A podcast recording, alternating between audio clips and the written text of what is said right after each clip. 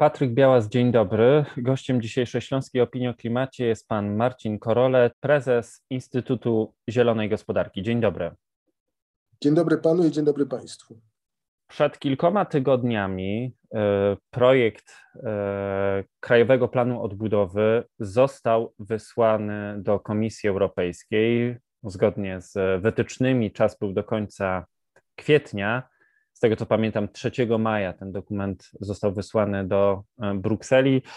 I na początku chciałem zapytać, dlaczego Państwa zdaniem Krajowy Plan Odbudowy nie odpowiada wymogom, przed którymi stoi Polska w obliczu kryzysu klimatycznego? Ja bym zaczął od y, przypomnienia, że w rozporządzeniu europejskim, y, które opisuje architekturę Europejskiego Funduszu Odbudowy, a w tym jak poszczególne plany odbudowy poszczególnych państw członkowskich mają funkcjonować, jest y, takie założenie, jest takie zobowiązanie, że 37% środków z tego planu krajowego, polskiego, francuskiego, hiszpańskiego, etc., y, musi zostać wydane na, na, na cele związane z ochroną klimatu. Ja nie mam e, precyzyjnej oceny tego, ile e, w polskim wypadku ten, jak, jaki jest ten, ten procent w polskim wypadku. Pierwszy publiczny projekt e, planu krajowego został oceniony przez ekspertów polskich i, i europejskich i im z obliczeń wyszło, że tam jest 18% środków przeznaczonych na ochronę klimatu. No, być może ta wersja ostateczna e, jest trochę lepsza. To może tam jest pewnie 20 czy 21, ale to jakby jest, to jest jeden punkt, na który trzeba zwrócić uwagę. Ale drugi jest ważniejszy chyba, albo, albo równie ważny. To jest zobowiązanie w tym samym rozporządzeniu, że e, żaden z projektów finansowanych z Krajowego Planu Odbudowy nie może naruszać zasady niewyrządzania znaczącej szkody w środowisku, czyli do not significant harm w środowisku, to znaczy również w klimacie. No i tu E, zarzutów do, bezpośrednich zarzutów do projektu Krajowego Planu Odbudowy, no jest cały szereg. Zgadzam się z, ze sformułowaniem, które Pan używa, projektu, bo fakt, że Polska wysłała ten dokument do e, komisji, nie znaczy jeszcze, że ten projekt jest dokumentem końcowym bo on wymaga jeszcze uzyskania opinii Komisji Europejskiej, opinii Parlamentu Europejskiego i potem jest zatwierdzony przez państwa członkowskie. Wszyscy razem oceniają po, po, poszczególne dokumenty i 60% głosów na Radzie Ministrów musi być za. Więc jest jeszcze kilka tygodni, zanim ten projekt stanie się ostatecznym do, do, dokumentem i uważam, że ten projekt nie jest ostatnim projektem, który Polska wysłała do Brukseli. Prawdopodobnie ta korespondencja jeszcze będzie e, trwała właśnie w najbliższych tygodniach. Teraz wracając do zasady niewyrządzania szkody. Ją można sobie tłumaczyć e, w różny sposób, ale komisja wy, wy, wy, wypisała wytyczne, które określają, w jaki sposób komisja będzie patrzeć na, na, na te plany pod kątem niewyrządzania szkody.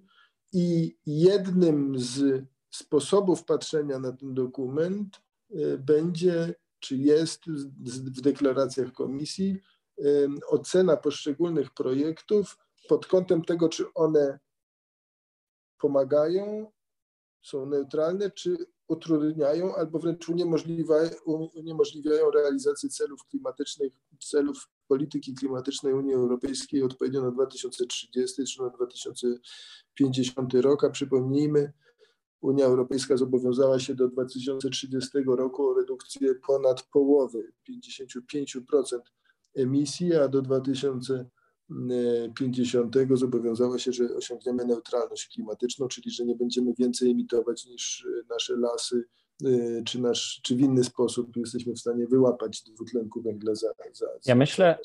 Ja myślę, że w tym wątku też warto wspomnieć o tym drugim e, celu e, Unii Europejskiej, mianowicie dekarbonizacji, która też no, w moim odczuciu powinna w e, tym programie zostać uwzględniona. Jak pan sądzi? Czy, e, czy jest nadzieja, że dekarbonizacja w Polsce zagości? Ja myślę, że ona właśnie zaczyna ten proces, ten proces zaczyna być widoczny w Polsce.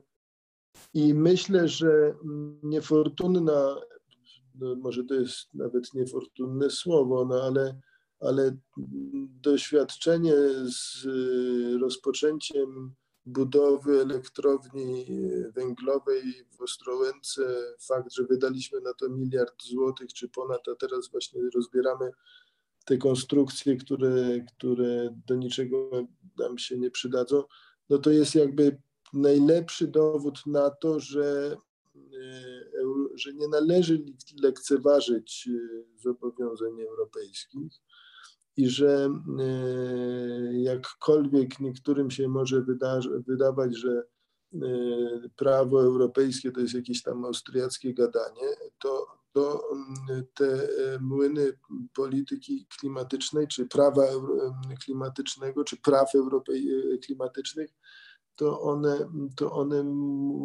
mielą czasami powoli, ale, ale jednak bardzo, bardzo skutecznie. Ja myślę, musimy... że tutaj.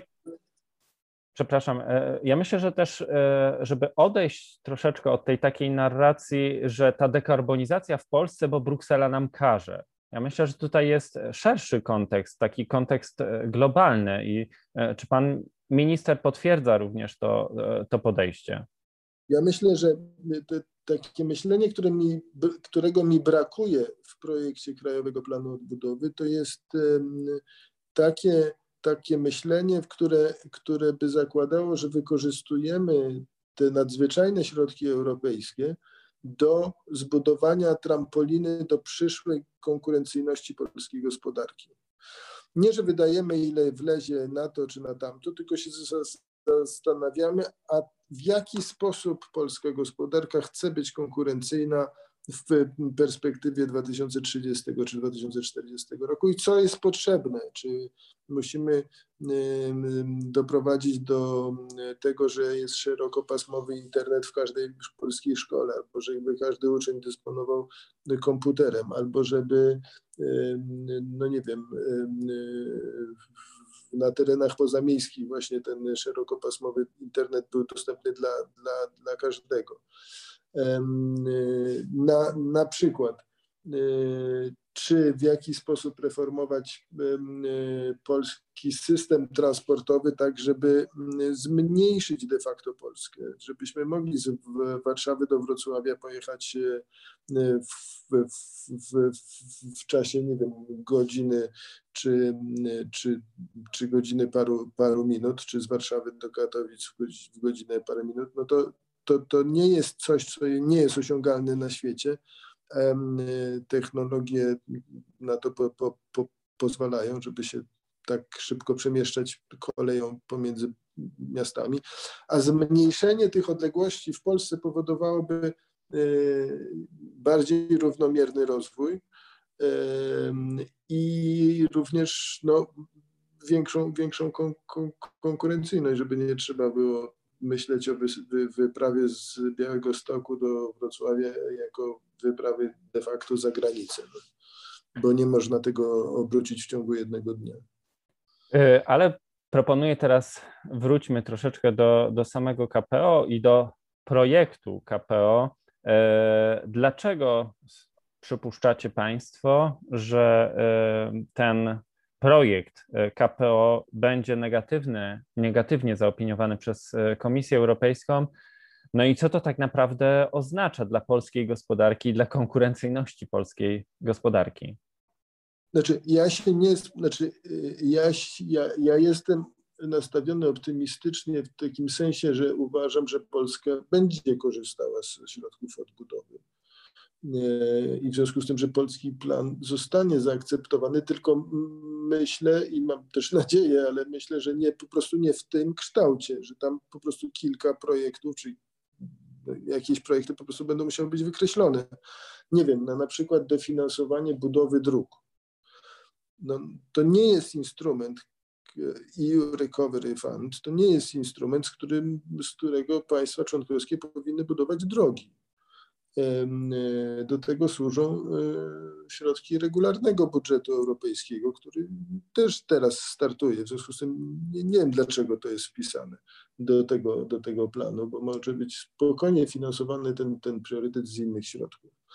E, podobnie, no nie rozumiem, dlaczego mamy finansować jakąś, no jakąś mrzonkę, jaką jest może centralny port lotniczy i budowę połączeń kolejowych, które prowadzą do centralnego portu lotniczego, który jest nomen nomen w Baranowie.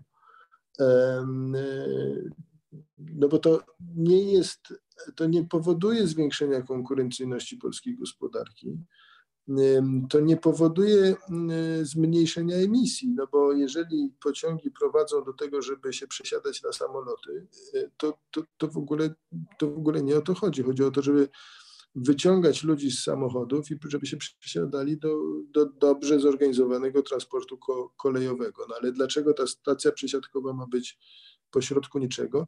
Nie wiem. No, nie jestem w stanie tego zrozumieć. Więc myślę, że plan zostanie za, za, zaakceptowany ostatecznie, tyle tylko, że on wymaga no, jakiś, jakiś korekt. Trudno czytać ten dokument w, ze zrozumieniem, bo tam jest y, instrukcja, jak chcemy wydać pieniądze, ale nie ma wskazanych y, jakby mierników rezultatu, które ten plan ma, ma, ma realizować. Więc nie wiemy, ile byśmy chcieli, nie wiem, e, obniżyć emisje, na przykład z transportu. E, e, I pewnie też dlatego no, jest cały szereg inwestycji w transport publiczny, który skądinąd taką myśl należy pochwalić, czy się znalazł w KPO, ale nie wiem dlaczego mamy finansować z KPO autobusy niskoemisyjne, co, cokolwiek by to znaczyło, bo nie do końca wiadomo, ale niskoemisyjne to znaczy emisyjne. Mamy ogromne wyzwanie redukcji emisji z transportu. Mm, od początku transformacji polskie emisje tylko rosną w transporcie a w obszarze transportu, budynków, y, odpadów będziemy musieli w perspektywie 30 roku zredukować redukcję minimum o 30%. Nie wiem, jak to zrobić bez lewarowania się takim prezentem od Unii Europejskiej, jakim jest Krajowy Plan Odbudowy. Czy de facto może nawet nie prezentem od Unii Europejskiej, tylko prezentem od Unii Europejskiej i przyszłych pokoleń, bo to będą spłacać nasze dzieci do 58 roku. Jest takie założenie, że to będzie spłacane. W związku z tym myślę, że będzie zaakceptowane, tylko po prostu kilka wykreśleń będzie miało miejsce. I troszeczkę w trakcie tej naszej rozmowy y, omówiliśmy moje trzecie pytanie, pytanie o uwagi ogólne formułowane pod adresem KPO. Mówiliśmy już o tej zasadzie y, do not significant harm. Y, mówiliśmy o realizacji unijnych celów polityki klimatycznej. Właśnie skończyliśmy rozmawiać o, o monitoringu tych celów klimatycznych. Ja chciałbym jeszcze e, omówić, czy poprosić e, Pana o wyjaśnienie. E, pojawiły się jeszcze dwie uwagi dotyczące odkręcenia kurku z pożyczkami. No i ostatnia uwaga, myślę, że nie mniej kluczowa, czyli reformy na przyszłość. Jak te uwagi należy rozumieć? Nie rozumiem, dlaczego rząd przyjął takie założenie, że te środki, które jako Polska e, będziemy pożyczać z Krajowego Planu Odbudowy, że te środki automatycznie mają być pożyczane podmiotom, które korzystają z Krajowego Planu Odbudowy. Taka zasada prawdopodobnie byłaby racjonalna w przypadku spółek Skarbu Państwa, czyli innych podmiotów komercyjnych, natomiast ona jest niezrozumiała w przypadku samorządu terytorialnego.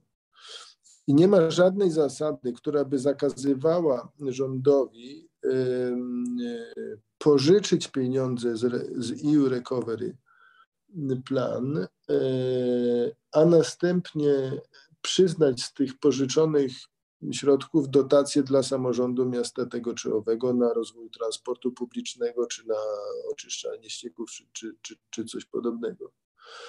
A zobowiązanie pożyczkowe oddać z, czy to z budżetu krajowego, czy to z, po prostu ze Skarbu Państwa. Nie rozumiem, dlaczego samorządy y, miałyby być tutaj w, no, w gorszej po, po pozycji. Jeżeli chcemy odpowiedzialnie redukować emisje, jeżeli naprawdę chcemy prowadzić do transformacji Y, neutralnej klimatycznie Europy i neutralnej klimatycznie Polski, to samorządy są absolutnie tutaj na pierwszej linii frontu. A po czy w trakcie COVID-u, bo nie wiadomo, czy można mówić już w czasie przeszłym, pewnie nie, no samorządy bardzo ucierpiały, y, jeśli chodzi o stronę dochodową. E, transport y, publiczny, transport ekologiczny, czyli rowerowy, no, powinien być ro, ro, rozwijany i trzeba pomóc samorządom w tym obszarze, a nie pożyczać im pieniądze, żeby, bo, bo, bo ich możliwości pożyczkowe są, są dramatycznie, dramatycznie niskie po, po, w związku z kryzysem wywołanym COVID-em, a te środki europejskie są właśnie po to, żeby wychodzić z kryzysu gospodarczego wywołanego COVID-em. Więc tutaj te pożyczki dla samorządów to jest bardzo poważny znak zapytania. Dlaczego nie dotacje? I ostatnie pytanie o te reformy na przyszłość. E, co Waszym zdaniem należy zreformować, żeby przyszłość była bardziej zielona, bardziej klimatyczna?